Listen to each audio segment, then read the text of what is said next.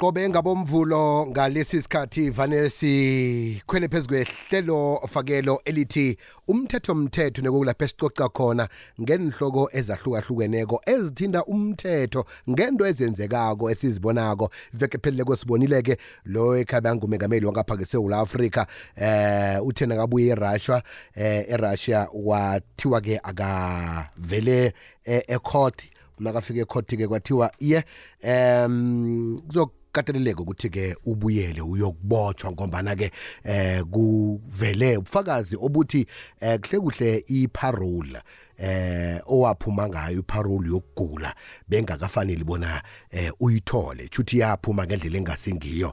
Eh ongasenani icedelela amalanga la bevele asele ukuthi ke uwaqedelele ungaphakathi ejele. Kodwa ke umengameli eh wakhupha igama ngaphambi ukuthi kuchingilanga wathi eh umlobeka ngumengameli eh ubaba uJacob Zuma uyachathululwa eh ngokucolelwa. Manje ke kunamathema kunamagama asirarejako nje sibabantu singawazi umthetho. Sikhuluma ke la ngeremission of sentence. Sikhulume ngeparole sikhulume nge-presidential pardon.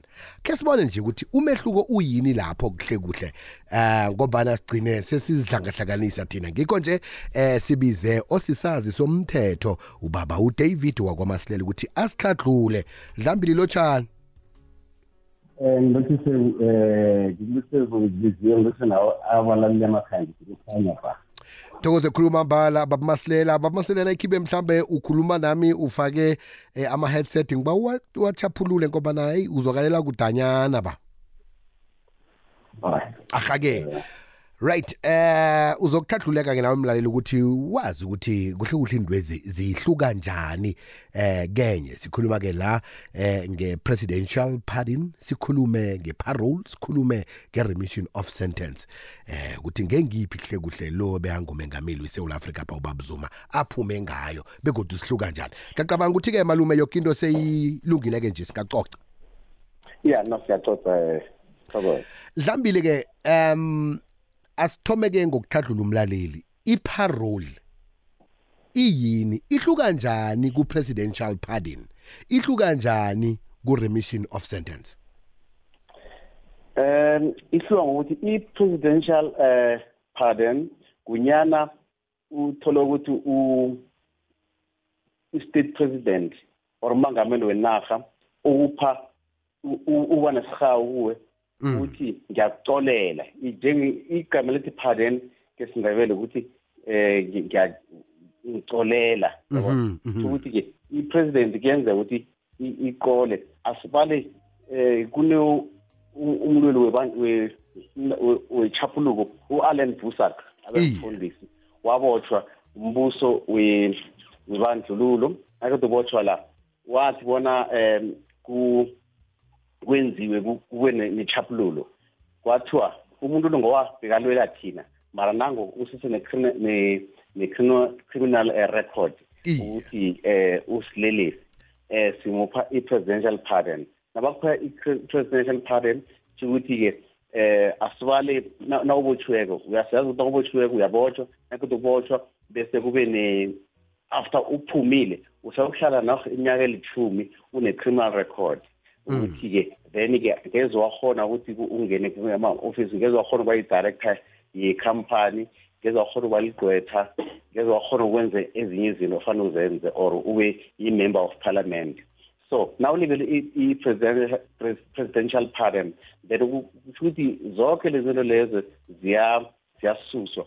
Ungakhona ukuthi ube ne ube ube ne ube ligqwetha ungakhona ukuthi ube ube i-member of parliament ungakhona ukuthi wenze zonke into ezenziwa umuntu ozangakabale qala Mhm. Alo malume le le le le eh ubaba uZuma aphume ngayo ngengiphi kilezi ndathu. Yeah. And then ke asibaleke iparole iparole nyana uyileko wa wagwetshwa angithi wagwetshwa wadosa nakhe ukudosa bacala isimilo sakho ejele ukuthi hawa umuntu lo ungathi angabuye nakabuyele emphakathini angaba akazoba lithwenyo so into eyenzekako-ke eh bayakulo kanje bakukhipha baqeda ukukhipha. Mara ukhumule ukuthi-ke kwanokukhitshwa kwanokusikusihawu leso. Mara senziwa i-correctional service ulo kanje akekho u-state president lapho. Eh eh. Ya. Nasuka la ubuyele ekhaya. Mara-ke nawuthole i naw ngithini i i-remission of no sentence awa. Eh eh. Eh nawungaphasi nawungeparole then ukhume ukuthi kuzokunande beza bazo bazokusayinisa oh. Futhi awuka awu- awu- awu- awusi awusi eh awukakhululeki. Awukajaphuluka ukujaphuluka. Bayeza ukuthi bakucheck ukuthi usesekhona na. Usayilandela imithetho abakubekele yona nembandela. iye. iye iye. Kunembandela obekelwe yona ukuthi-ke eh asithi na na nawunayo ilokwanjileyo awukwazi ukuthi u- i-gauteng or uye limpopo ngesikhathi ufuna ngaso.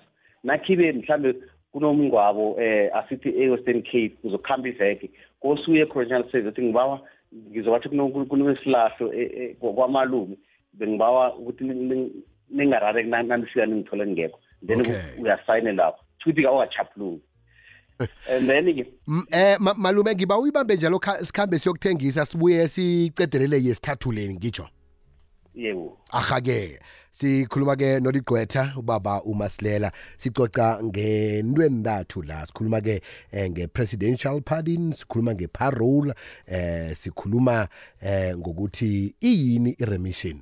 Hluka njani kenye? Lokhu ke kususelwa ekutheni uloyo bekangumengameli weSouth Africa waba uJacob Zuma ucolelwe emacaleni ngombana ke kuthiwa amacala wakhe eh bekangasimambi ngaleyo ndlela. Manje sifuna ukuthola sithathululeke ukuthi eh uphume ngayiphi ngoba ngaphambilini waphuma ngeparole sikhambe sokuthengisa sibuye sicedelele umthetho umthetho umthetho umthetho imzuzu ke nje imachumi amabili nemzuzu emibili ngemva kwesimbi yesibili usekhamba nokholini ubiziwa kwamasango king b king biziwe kazi-ke siyathokoza nawe sikhamba nawe bunqopha lapha-ke ku-tiktok live. Nginguking biziwe kulelo hlangothi siyathokoza. Sicoca-ke nobaba udavid wakwamasilela oliqwetha. Sicoca ngomehluko khona endweni endathwezi sikhuluma-ke nge-presidential pardon. Sikhulume nge-remission of sentence kunye-ke neparole.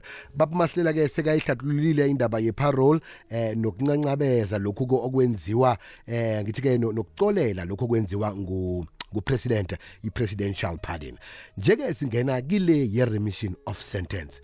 Dlambile. Thokoza. Aha. Eh ya into esifanele siyikhumbi sikhumbule ukuthi eh ukuthi umuntu uyabothwa eSouth Africa akusiki lapho ak- akuthiwa ukuthi umuntu lo uyogqilazwa yabona? Into yenziwa ukuthi of course aye ejele and then kuyokuhlumuliswa isimilo sakhe. Asithi avese abuye em- emphakathini azokuphila nabantu. And then into eyenzekayo-ke ukuthi kuyenzeka ukuthi abantu ababili bangabanjwa ngaphasi kwe- kwe- kwe-drug position of drug act angithi uthole ukuthi omunye ubanjwe ne-twenty k g yisango omunye uthe bona abheme wathatha wabhebha wa- wathatha istombi wasifaka ngesikhwameni iye. Babotshwe bobabili. And then into eyenzekayo ukuthi-ke um uthole baseseleni efanayo and then kufanele kubonakala ukuthi omunye umuntu uthole ukuthi eh umuntu ubotshwe um but ubotshiwe eh ngoba ngoba a- aphule umthetho. And then kodwana umuntu lo uyabonakala ukuthi eh akusimsilelesi esingako angakhona ukuthi nakabuyele emphakathini athube ngempilo ejwayelekileyo asenze umunye umzekeliso. Umzekeliso ngomuntu obotshwe owabotshwa ngesikhathi leyo se-covid-19 i-covid-19 ukuthi yena bekuthiwa ngo-nine awukafanele ube ngisendleleni. Yena waladelwa mhlambe ngo-ten uyasendleleni then wabotshwa naye uye uyejele. So i-remission of uh, sentence nyana u-state president or umengameli wenarha aqala athi mara eh si- asithi sine overpopulation or abantu abagcwele emajele baningi mara abanye ba- babotshweleni na? Omunye ubotshwele ukuthi ngo-twenty nineteen bekasendleleni ngesikhathi engafanayo basendleleni. Omunye ubotshwele ukuthi bekaphethe isango encane yabona? Or omunye uthi naso sitolo enthabathabeni sentolo wakhohlwa waphuma ne mhlawumbe waphuma ne-chocolate. Angakabhadeli iye. Angakabhadeli ya. So ulapho masithi ngiyana-ke i-remission of sentence ngiyana umengame ladakwa kunokuthi uhlale lapha ekubeni ngatano sekhaya uyasebenza usebenzela abantu abakho. Phuma yabona?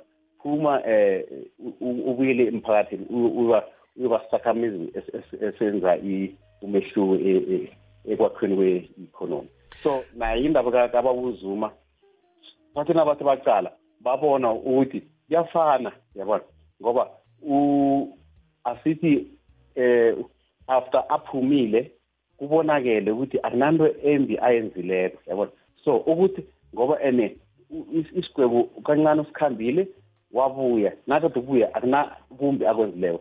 So babona ukuthi ngcono ukuthi-ke ene angibeka kuparule eh nakuparule beyananda afake into kanje asayiniswa enzweni asayiniswa and then bacala ukuthi nasicala ukuthi um and sikhumule ukuthi wathi bona aboshwe siyazi ukuthi kwaba nomguruko ovukako. And then-ke ngangothi bacalile ukuthi nabaweya iscale ukuthi ukumkhipha nokuthi abuyele okuhle ngikuphi? Abona ukuthi nabamkhiphileko kuba kuhle ngoba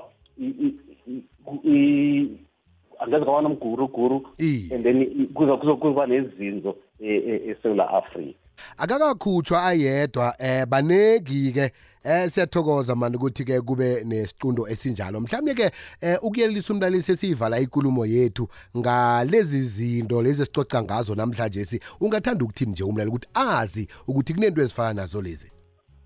Ya into ekhona ukuthi iye zikhona into njengalezi bana ngitsho ebekujwayelekile ngilokhu kwe kwe i-presidential pardon beyijwayelekile nale iparole nayijwayeleke ukuthi umuntu nakabotshiweyo nanya abotshiwe waziphatha kuhle ejele kuyenzeka ukuthi-ke aphume yabona so eh akusivona bengasimhlolo zinto ziyenzeka. Yabona sokuthi umuntu abotshwe wathandaza kuhle awa. Wathandaza kuhle. Babumasilela eh baneke abantu ke abaxhoga isizo ehlangothini lezomthetho. Nabaxhogako bangakuthola kiphi inomboro? Nayikhibe kune-email address nayo nayo ubaphe yona. I-email address bangithola kudavid masilela at gmail dot com udavid d a v i then ngumasilela at gmail dot com. Bese inomboro zikamaliledini zero seven two four zero two seven five one two. zero seven two 402 7512 sithokoze.